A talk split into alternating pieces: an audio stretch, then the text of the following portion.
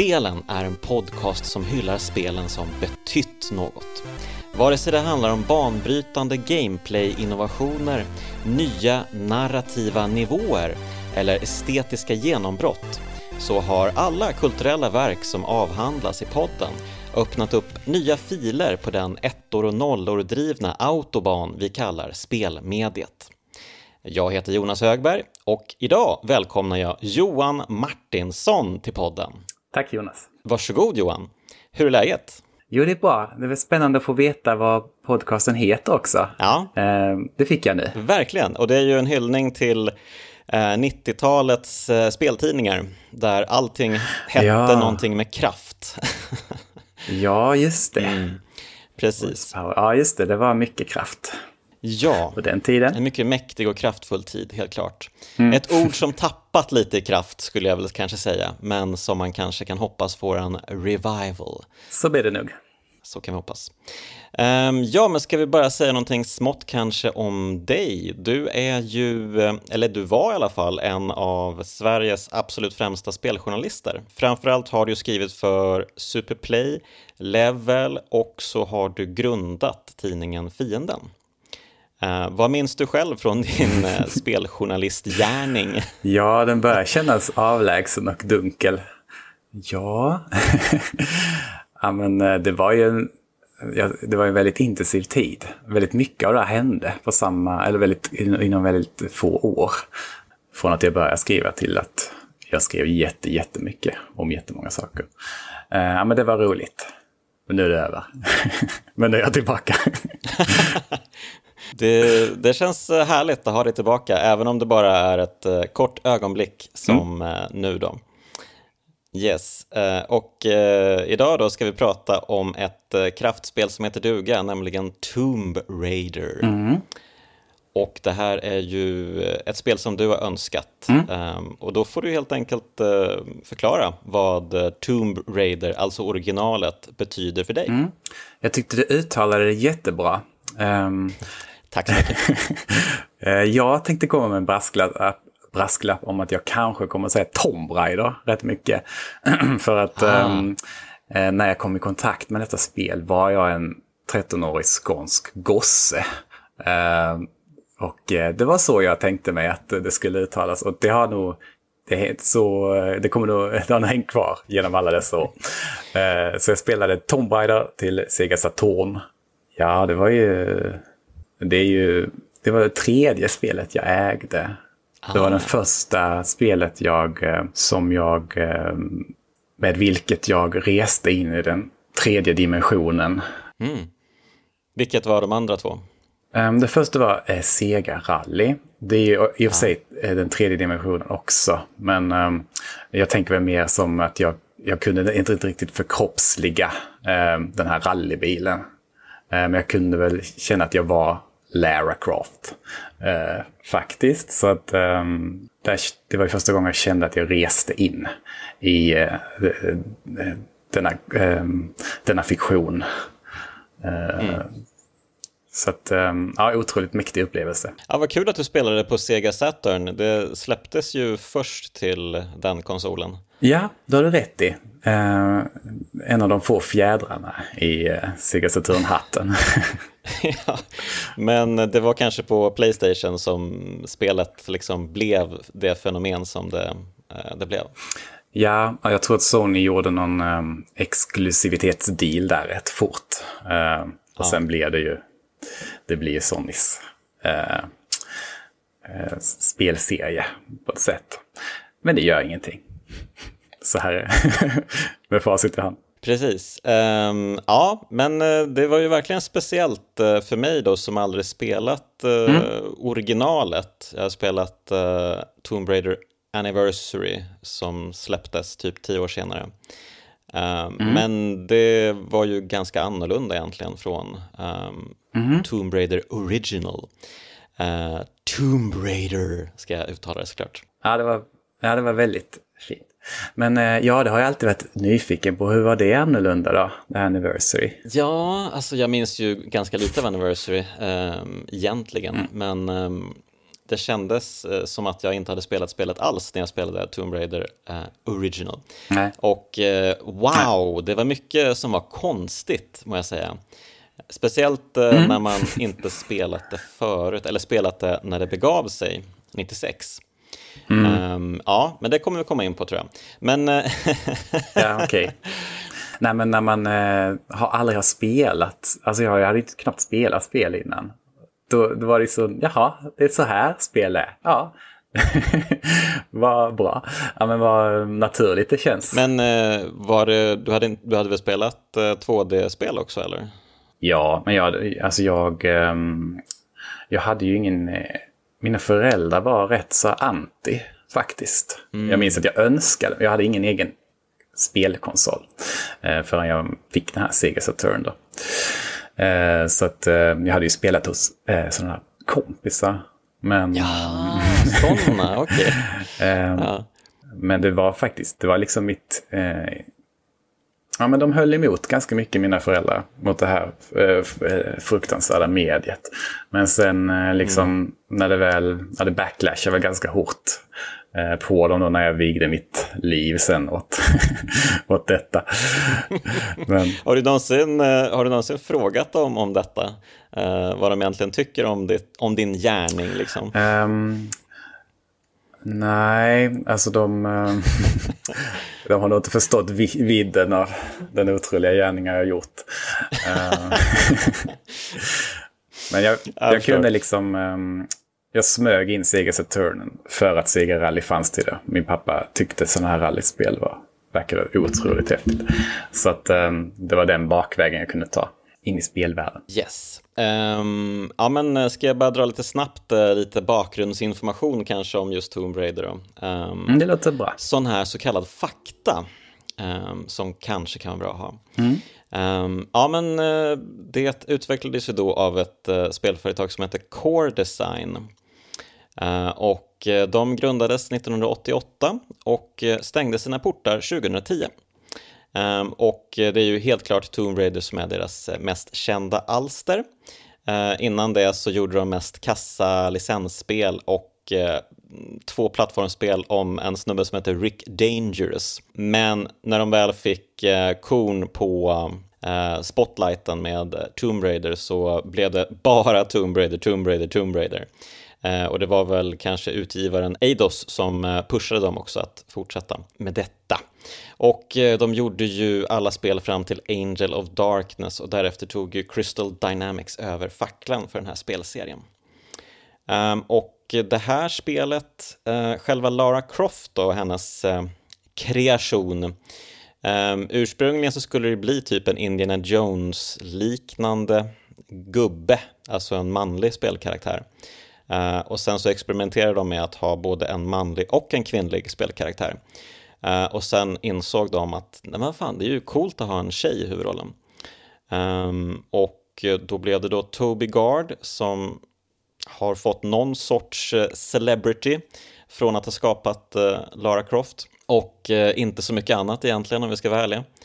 Um, men det ska han väl ha cred för, um, att han gjorde en ganska cool kvinnlig hjältinna. Det tycker jag. Alltså det finns ju ganska mycket så här äh, ehm, det här med äh, bröststorleken till exempel. Ehm, det kan man ju debattera huruvida deras äh, förklaring äh, till att hon har stora bröst verkligen stämmer. Det vill säga att Toby Gard äh, råkade slinta på reglaget och göra dem 150% större. Och sen bara, ja men det här kan vara någonting.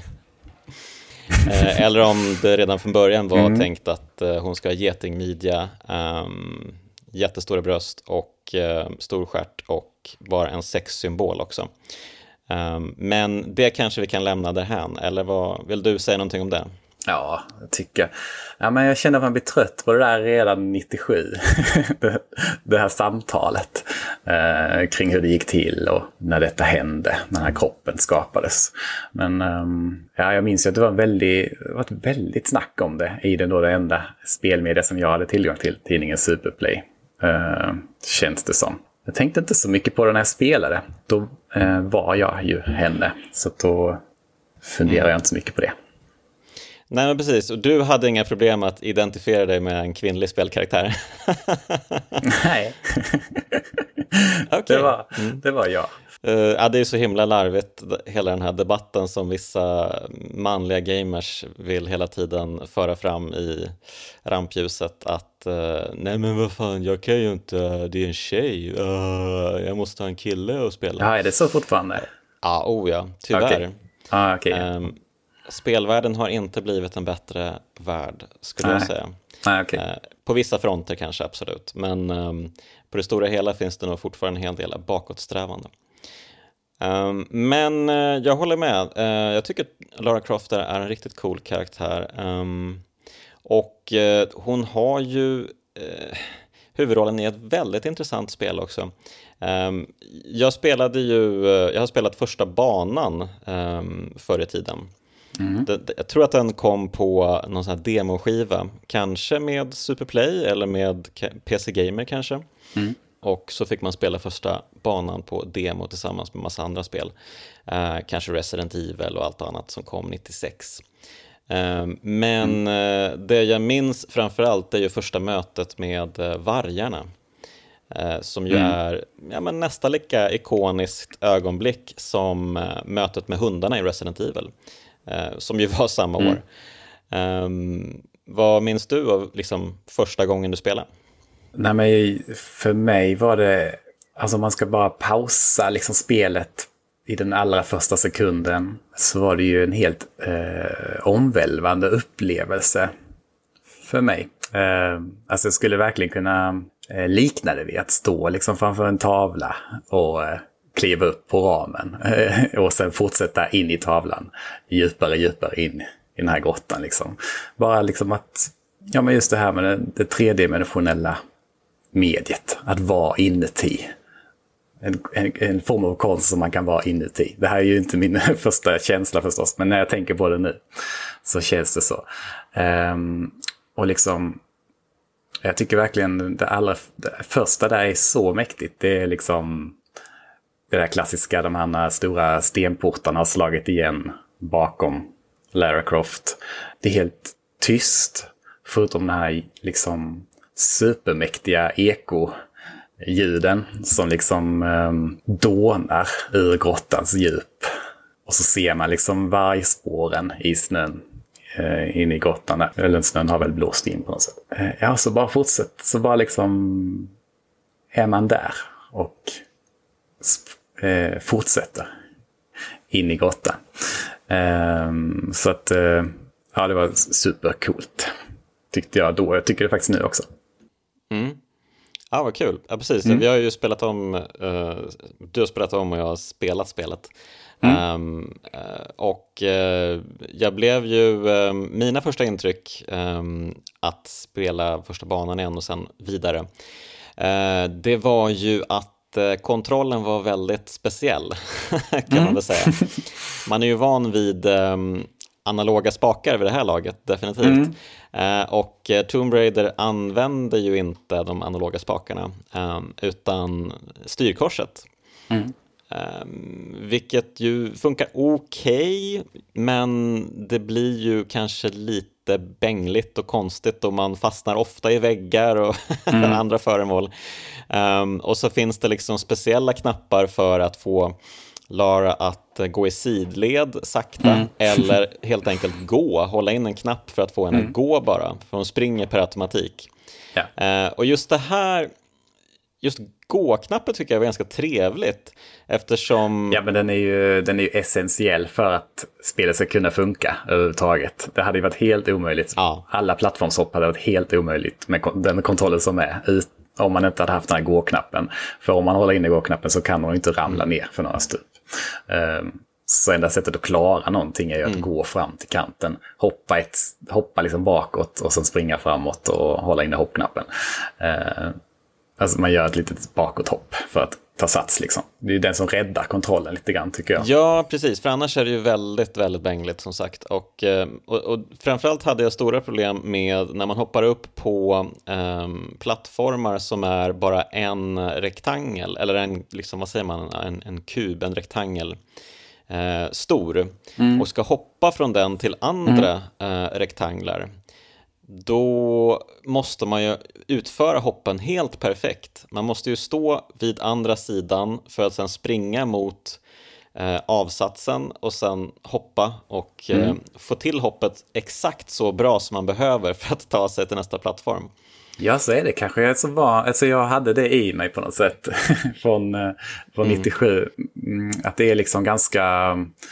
ehm, det är ganska förutbestämt. Jag tror inte man måste tajma det så jättebra. Man måste bara eh, gå fram till kanten, hoppa, trycka bakåt en gång, sen trycka framåt och hoppa. Och så blir det alltid samma hopp. Det är mitt lilla tips Ja, till jag dig. vet inte. Ja, jag, hade stora problem med att få till uh, tajmingen. Och det lustiga är att eh, när man har liksom längre springsträcka, då tycker jag att det blir sämre oftast. Ehm, ja, då är det ännu svårare Mm. att få till det här långa hoppet. Utan det, det funkar faktiskt bättre med att bara ta det där lilla bakåthoppet Mm. Ja. och sen springa framåt. Jag, skulle, jag borde kanske haft en liten eh, kontrollskola eh, med dig före genomspelning. Ja, Eh, men, jag hade behövt ja, det. men det är ett spel som inte... Eh, det, har, det liksom överraskar mig lite grann också att det, ju, eh, det kändes på ett sätt väldigt modernt i eh, hur lite, eller för mig modernt i alla fall. Jag vill ju alltid att det ska vara så lite, alltså det, det ska mm, i så hög, eh, så, i så hög grad som möjligt liksom eliminera känslan av att, eh, av att det är ett spel. Alltså jag vill att det ska vara en slags verklighet. Ehm, Och det är det jag alltid liksom tyckte var så bra med Ico. Att det inte finns, eh, där är liksom ingen, eh, det är ingenting som berättar vilka knappar man ska trycka. Och det är liksom inga eh, inforutor som dyker upp på skärmen eller sånt. Och det är ju det är också varit, det har väl varit en, liksom en trend inom modern äventyrs, moderna äventyrsspel av indieutvecklare till exempel. Att det ska vara ganska rent på skärmen och, och så vidare. Men det här gör ju Tomb Raider Ja, redan 97. Det finns ju in, ingen, ingen säger åt en hur man ska, eh, vilka knappar man ska trycka på. Det finns inga mätare på skärmen. Eh, förutom när man blir skadad så ser man en hälsomätare. Och det finns liksom, ehm, ja men det är, rätt, det är liksom tyst förutom de här fot, fotstegen och ekorna och liksom vindsus och sånt och ibland lite så här s- s- eh, lite fina bitar liksom med någon slags körmusik vissa tillfällen. Ja, lite stä- Ibland lite Ja, stämningsmusik precis. ehm, på välvalda scener. Och också att det inte är, det är inte sån o, alltså, otrolig massa mänskliga fiender som liksom bara... För det minns jag när jag spelade någon, mo- någon modernare Tomb Raider-spel. Att det var så jävla tröttsamt med alla dessa människor som bara, som bara trängdes i de här eh, oupptäckta gravkamrarna. Liksom. Det var så himla kommers. Rullians. Ja, man avrättar ju sjuka mängder människor eh, i framförallt de absolut senaste Tomb ja, Raider-spelen. det kan jag tänka mig. Ehm, och eh, det är kul, jag, jag såg här att det, det är fem människor totalt som man dödar i spelet. I, den, I det första Tomb Raider. Mm. Det är utmärkt. Eh, Vilket ju, det är den, det är den perfekta Ja, det är siffran. det. Det borde Okej. inte vara fler i något spel. Fem. Ja, men jag kan hålla med dig om det, för att det, det är ändå bra. Ehm, I till exempel andra um, världen, när man kommer till Grekland, så är det ju en annan äventyrare som eh, liksom är konkurrent till Lara Croft. Som hela tiden dyker upp och skjuter på henne. Och så skjuter man tillbaka på honom tills han får så mycket skott i sig att han springer iväg och försvinner. Det får räcka. Och exakt, det får räcka. Får vara för den här gången. Eh, precis. Och det är ju jättebra tycker jag. Då är det ändå liksom, då är en person eh, genom hela banan egentligen som man slåss mot. Eh, och det Ja. räcker bra. Mm, men det gör ju så mycket för känslan av eh, alltså atmosfären i spelet. Alltså det är ju verkligen så här när man känner ju att det är det är liksom bortglömda gravkamrar och, och tempel liksom. Det, det ska inte vara fler personer eh, där samtidigt liksom. För att det, det ja, det vattnar, det liksom vattnar ur hela känslan av, eh, av vad spelet försöker förmedla. Så att eh, det räcker gott och väl med de här djuren. Som... Ja, precis. Istället så avrättar man ju ett helt zoo här. Eh. Ja, jo, det är väldigt, väldigt vidd eh, när det kommer till olika djur man avrättar. Mm. Eh, precis, vi har vargar, vi har apor, vi har krokodiler och eh, pantrar och framförallt Johan så har vi en T-rex. Ja, det har vi ju. Eh, och det, det kanske du reagerade över. Ja, men T-rexen har man ju ja. hört talas om. Eh, och jag tror att T-rexen figurerar i Anniversary också. Okej. Men det var ju ändå häftigt på sättet mm. den dök upp. Mm. För man ska ju komma ihåg det att Tomb Raider, det, det har ju väldigt speciellt det kan ju inte liksom måla upp eh, himmel, det här spelet, Nej. utan himlen är ju helt svart. Mm. Och den, man ser ju inte så långt i spelet, Nej. utan det blir ju ganska mörkt och sen så liksom ser man några um, vaga landskapsföremål liksom, mm. uh, långt i bakgrunden. Och när då T-rexen uppenbarar sig ur det här, det är ju ett faktiskt magiskt ögonblick även idag. Ja. Um, jag var jätterädd när jag eh, tog mig ner den här dalen. För att, eh, mm. jag visste att jag skulle möta den här T-rexen. Eh, jag hade nog ganska mycket skräck som var lagrad i mig sen, sen då 97 när jag spelade förra gången. Eh, så mm. liksom varje steg in, in i den här dalen tog jag med stor försiktighet eh, och tvekan. För jag visste vad som skulle liksom dyka upp där i dimmorna. Men det är ju rätt mäktigt möte faktiskt. Men det är ju väldigt apart att, uh, att slänga in så här. Ja, absolut. som en del, en del av tredje banan. Det är liksom inte klimax på något sätt på den här äventyrsberättelsen att man hittar en liksom förlorad värld där dinosaurier fortfarande existerar. Utan det är bara en, en halva, halva tredje banan av 15. Ja, men precis. Det, jag vet inte ens om man kan klassa det som en boss, liksom, utan det är liksom bara ett av djuren mm. som man skjuter mm. på. Och alltså, den är ju inte jättesvår att döda heller. Um, tyvärr, det hade kanske varit roligare med en lite mer episk uh, fight mm. ändå. Men uh, det är ju ganska kul just stridssystemet. Um, också väldigt apart uh, kontroll mm. här.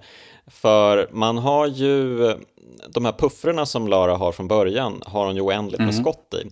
Så att egentligen kan man ju bara hålla in eh, knappen och skjuta, skjuta, mm. skjuta samtidigt som man fokuserar på att eh, skydda sig och komma undan fienden. Ja, alltså det är det enda, som, det är det enda man kan göra. Eh, man måste ju bara volta omkring eh, hej vilt liksom medan man skjuter. Ja. Om fienderna kommer fram till en då blir det ju kaos. Det finns ju ingen plan för det hos spelutvecklarna, från, från spelutvecklarnas sida. För att det, det, går inte att göra någonting åt den situationen.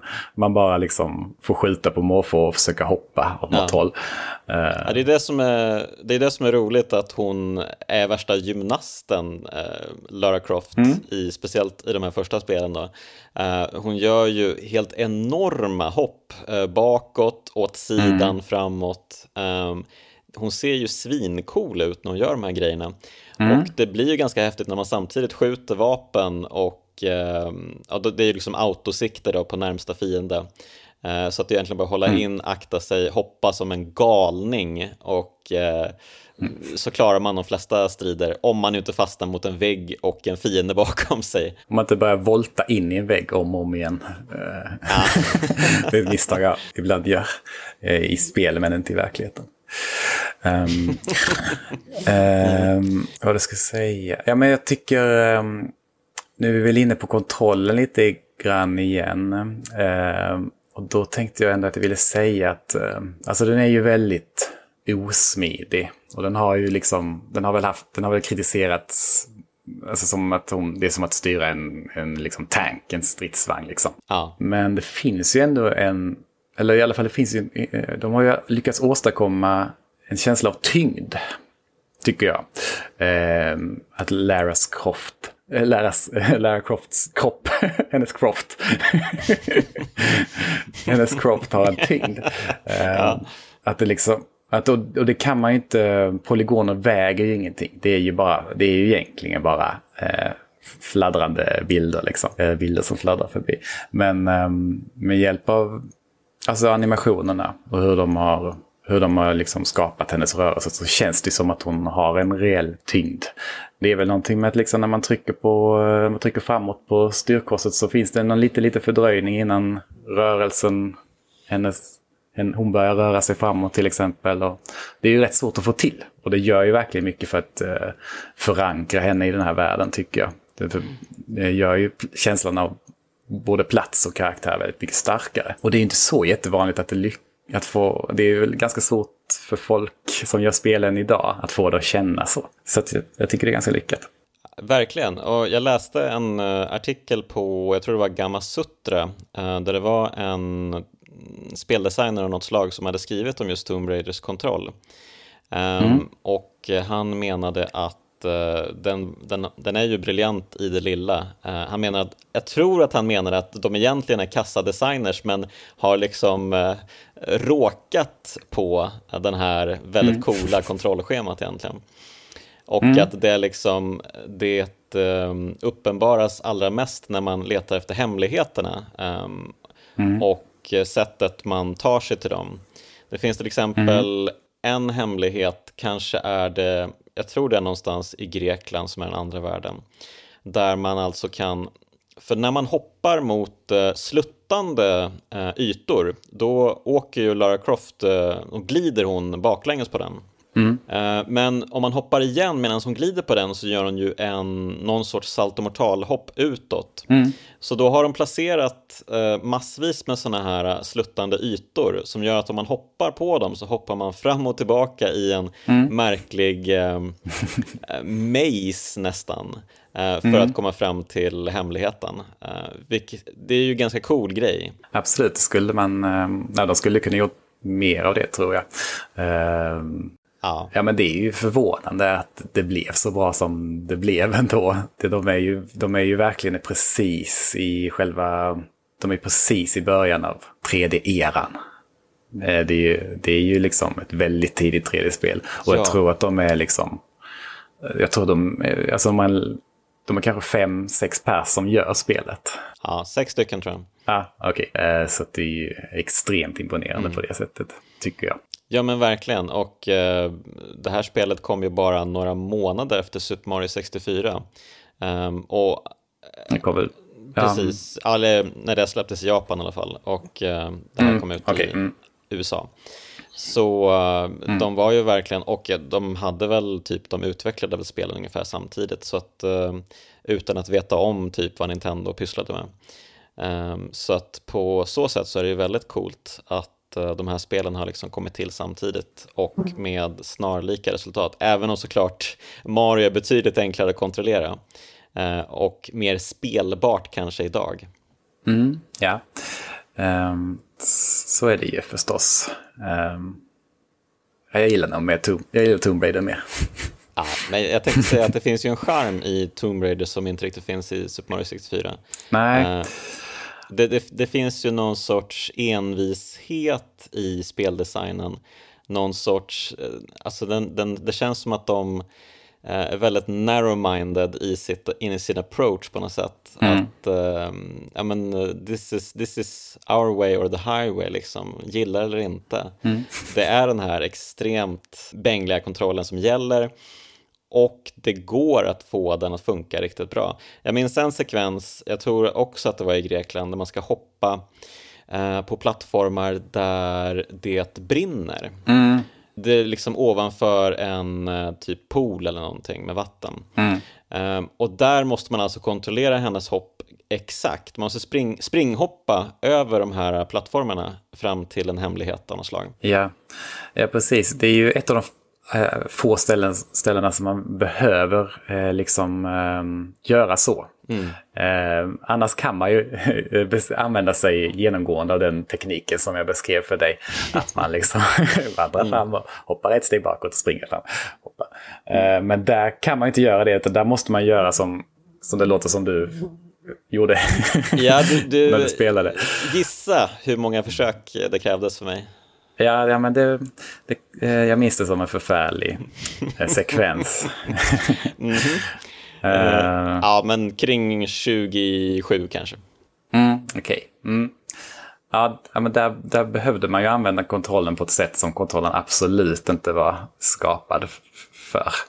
Eh, där, där var man ju tvungen att spela spelet som om det var, var ett modernt spel, liksom, som var liksom lite eh, hjälpsamt. Eh, men det är det ju inte. Det Nej, verkligen inte. Och speciellt inte eftersom att eh, de här plattformarna är ju inte, de ligger ju inte i rak linje. Utan man måste hoppa lite åt höger första hoppet, sen vänster och sen fram och så här. Eh, mm. Vilket gör att Alltså det är så fruktansvärt svårt med styrkors och med mm. den här unika liksom, hoppmetoden som de har tagit fram.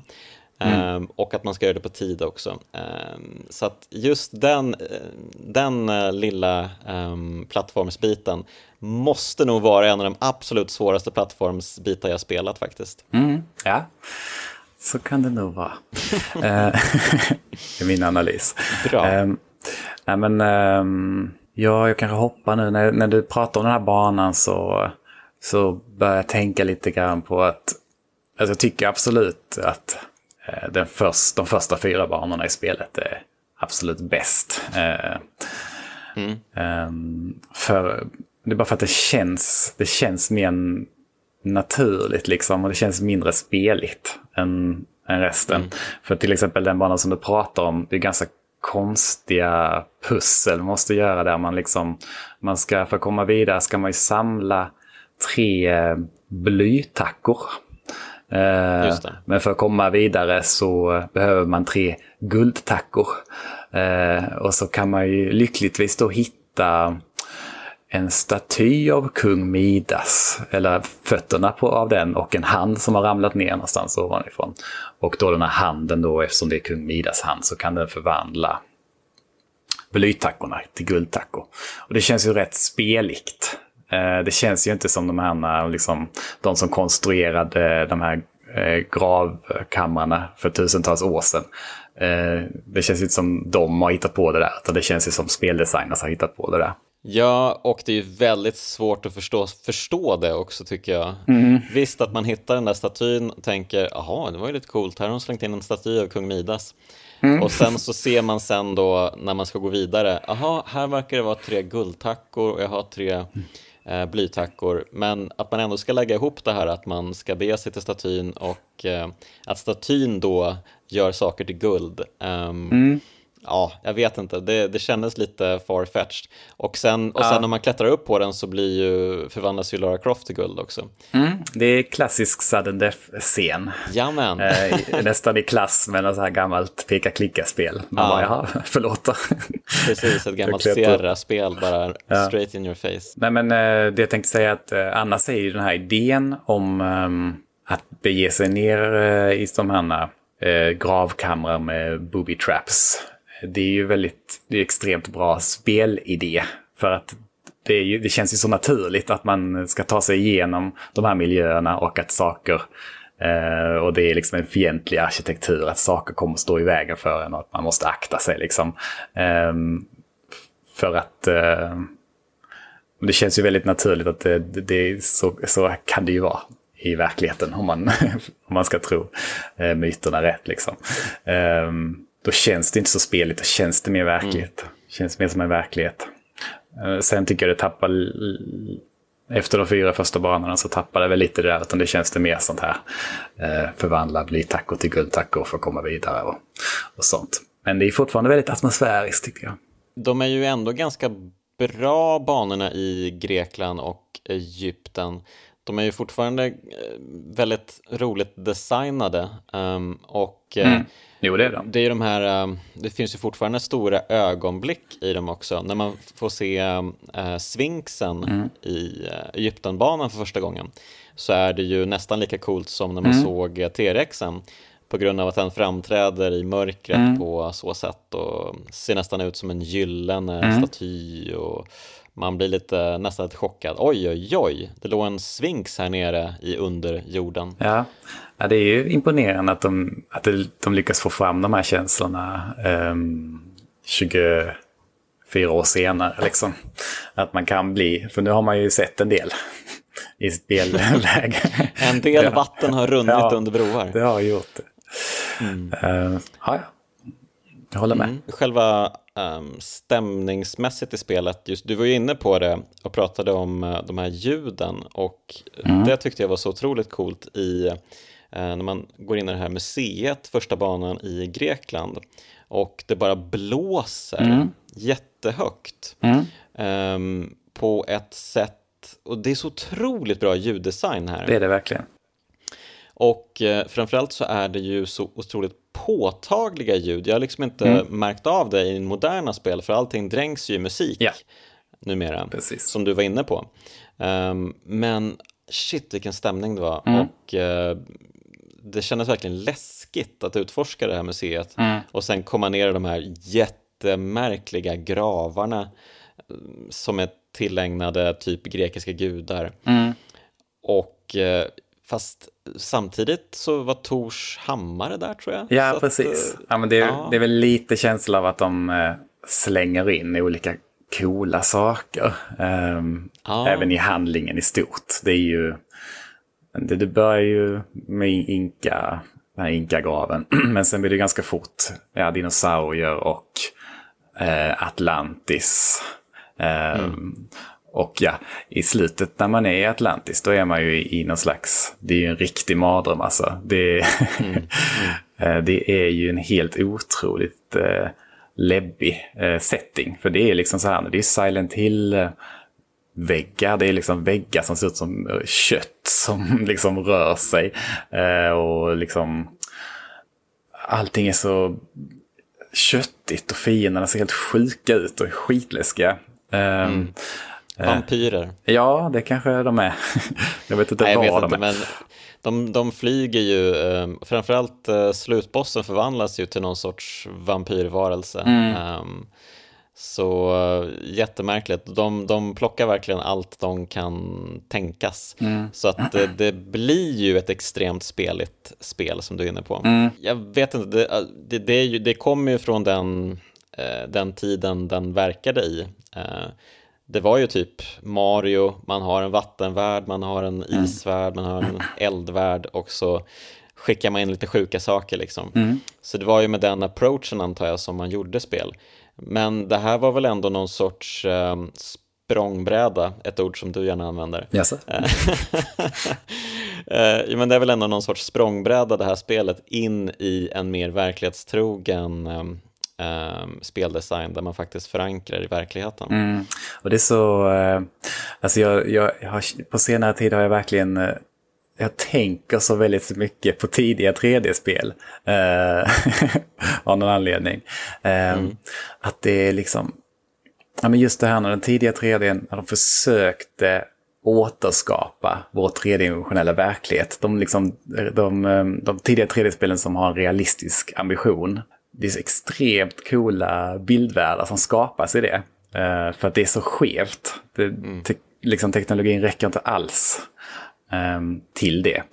Uh, och till exempel så finns det ju på första banan, eller överallt egentligen, men på första banan kommer man in i ett rum där uh, ett gäng stenar i 2D ligger på marken. Mm. resten av världen och även Lara Croft är ju i 3D. Men de här stenarna i 2D och liksom när man försöker springa runt dem så vänder de sig desperat efter en hela tiden. försöker mm. hänga med.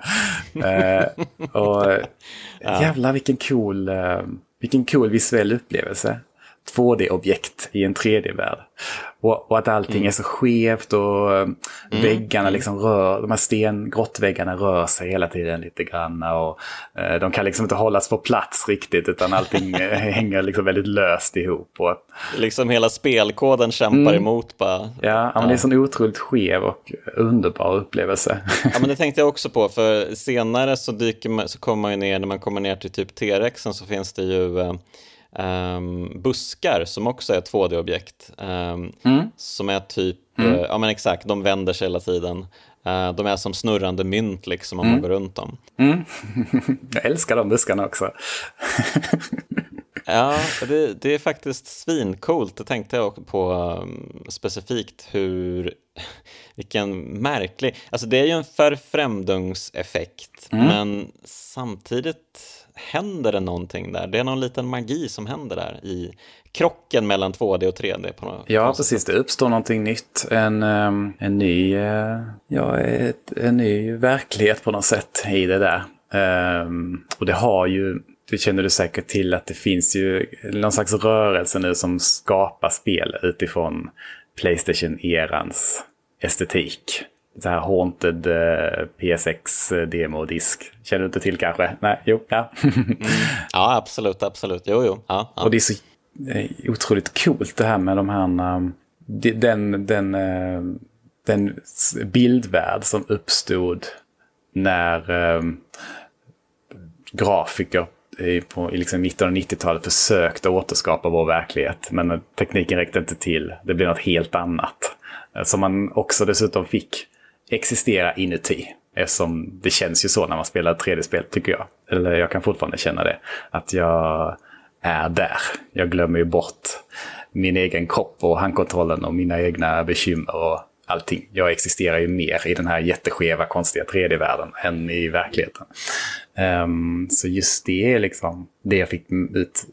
Ja, det var kanske, ja men det är det som jag tyckte det var allra coolast med att spela om det här spelet. Ja, precis. Eh, jag tänkte ju fråga också vad, vilket, vilka liksom bestående intryck, eller vad förde Tomb Raider med sig som förändrade spelvärlden? Ja, um... vilken svår fråga. Um... Ja, men, men så här, man kan ju se det, definitivt så är det ju här liksom en, en föregångare till typ alla dagens typ äventyrsspel. Mm. Det, det kommer ju från Tomb Raider, det är ju väldigt mm. tydligt. Mm. Att Un yeah. Uncharted och Last of Us och nya Tomb Raider och så vidare och så vidare. Eh, att alla de egentligen bara är ja, reskins på ursprungs Tomb Raider eh, med lite fräck grafik och massa jättetråkiga mellansekvenser och sånt. Mm det kanske är just själva liksom steget in i 3D-världen som ändå Tomb Raider um, ska hyllas för, som vi varit inne på. För mig är det ju, eftersom det var det första 3D-spelet för mig, uh, så alltså för mig är det ju som att ett nytt medium skapas där på något sätt i och med när, när spelen går in i 3D. För innan det så eller jag blir liksom inte, jag, jag blir inte fascinerad av 2D-spel. 2D-spel eh, eh, är för mig liksom, det är liksom en förlängning av de bräd och roll, liksom penna och papper rollspel och sånt som har funnits i, i århundraden liksom. Men Eh, när spelen blev 3D, då blev det någonting nytt. För då blev, då blev det för, jag kan inte känna att jag existerar inne i 2D-spel, men jag kan känna att jag existerar inne i 3D-spel. Och då blir det ny, för mig en ny konstform som, som man får vara inuti. Så, så jag tänker på 3D-spelen som, det, det är där det, det blir någonting alldeles, alldeles nytt, alldeles unikt. Um, och för mig är Tomb Raider den eh, porten mm. in i det. Ja, nej men eh, jag måste säga att det var förvånansvärt roligt att uh, spela spelet. Jag mm. blev ju extremt uh, rädd uh, i början då när kontrollen var så konstig som den var. Och bara nej, ska jag... Och sen så såg jag hur många banor det var, för det är ju ett stort spel det här. Herregud. Ja, jösses. Jag hade raderat rätt många banor i mitt minne, så att jag kom ju inte hela vägen, det har jag berättat för dig. Men kan vi avslöja för lyssnarna också? Ja, det gick ju inte. Men jag har spelat igenom det en gång när jag var liten. Men jag tror, jag har ett minne av att jag tänkt, när jag klarade så tänker jag, alltså då när jag 1997, mm. eller vad det är, eller 98 det kanske hunnit bli. Eh, för att jag, jag tänker när jag klarade jaha, när jag klarat det, det tog sju månader.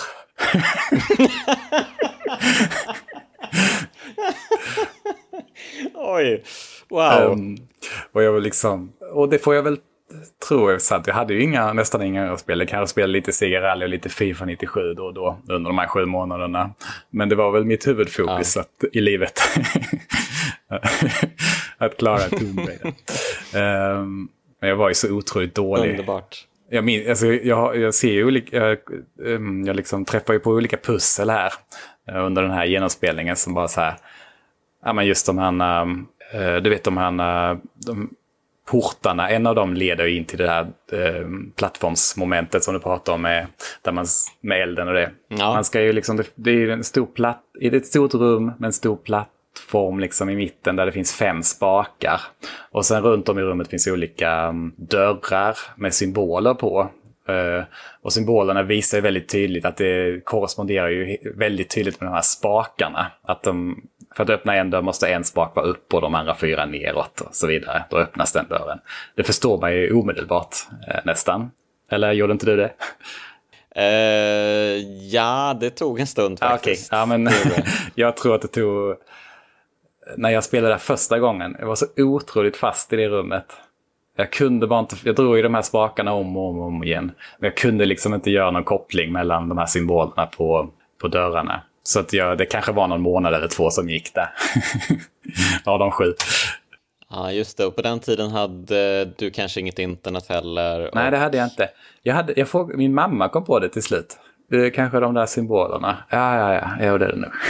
Aha, men vad, vad, vad, passande då att personen som egentligen velat förvägra dig den här mm. spelupplevelsen mm. Eh, är den som leder dig vidare i den. Ja, precis. Om hon bara hade varit tyst där så hade jag kanske varit fast i det här rummet än idag. Uh, och inte kunnat spela alla de där andra hemska spelen som jag spelat ja, efter det. Ja, och kanske hatat tv-spel. Ja, det hade jag nog gjort. efter alla dessa år i, i det där rummet.